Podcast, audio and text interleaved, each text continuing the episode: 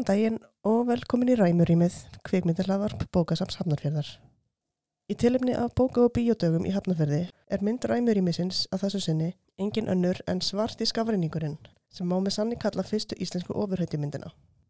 Svarti skafreiningurinn er í raun þryggja þátt af vefserja sem var framleitt af kvikmyndaframileðslunni Fenrir Films. Fyrsti þátturinn var frumsýndur á YouTube þann 19. oktober 2012 og komur síðari tveir þættirnir svo út með viku millibili. Leikstjóri seríunar er Arnar Benjamin Kristjánsson.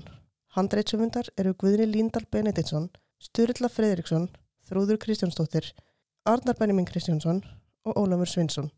Og með helstu hlutverk fara Sturilla Fredriksson, Guðni Líndal Benediktsson, Mónika Eva Orlovska, Hilmar Loftsson og Tanja Björk Ómarsdóttir.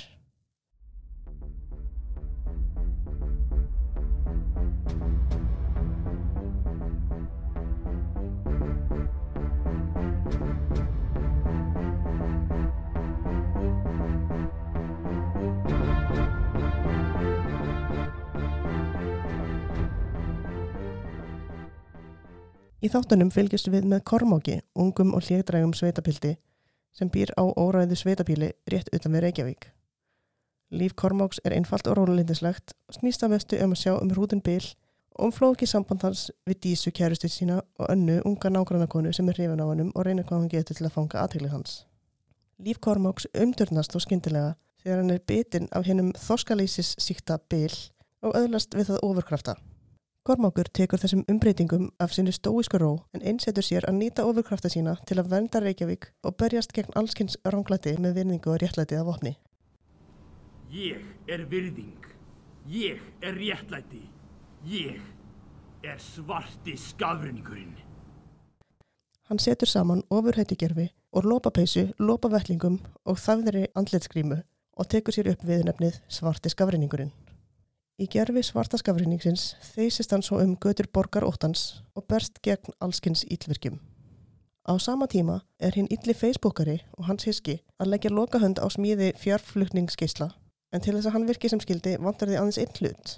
Fá getan bláan demant Hann er blár. Já, sem vill til að verður til sínis á alþjóðlegri Tea and Biscuits ráðstöfnu í Breska sendiráðinu. Facebookarinn og gengi hans ráðast inn á ráðstöfnuna til að stela demantunum en mæta þær engum öðrum en svarta skafreiningnum sem reynir sitt besta til að gera áform þeirra að engu.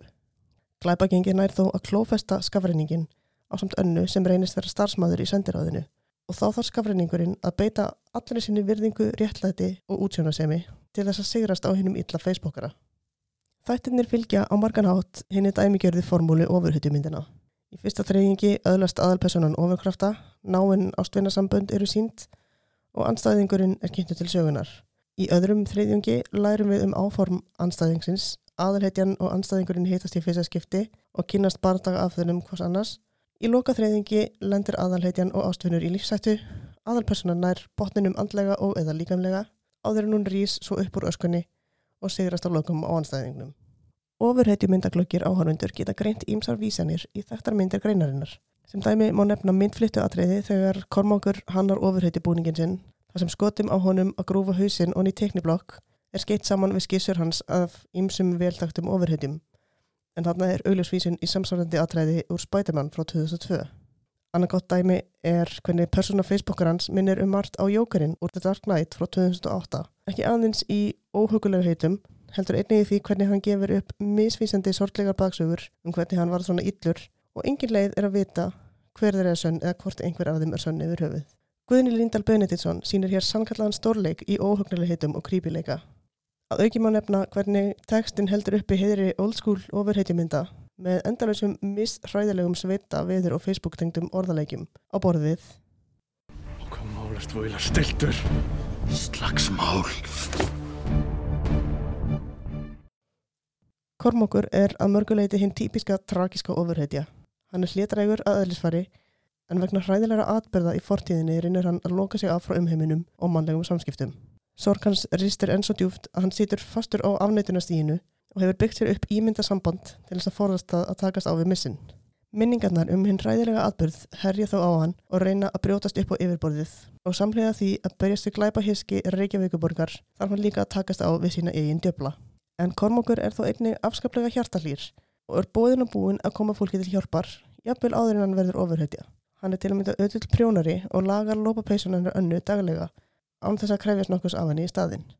Sem er vissulega fremur átakanlegt fyrir önnu þar sem það er ekki að ástæðuleysu sem hún er markvist að rífa lópapeysuna sína til þess að hafa ástæðu til að heimsækja Kormák.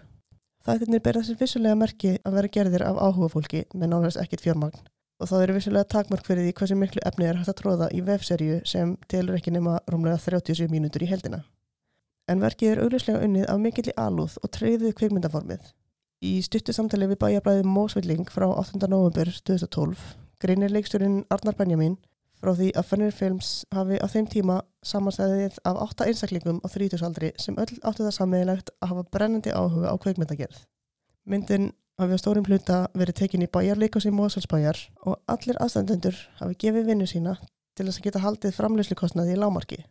Enguða síður er útkoman einstaklega metnaðafull og unnuna mikill í fangmennsku.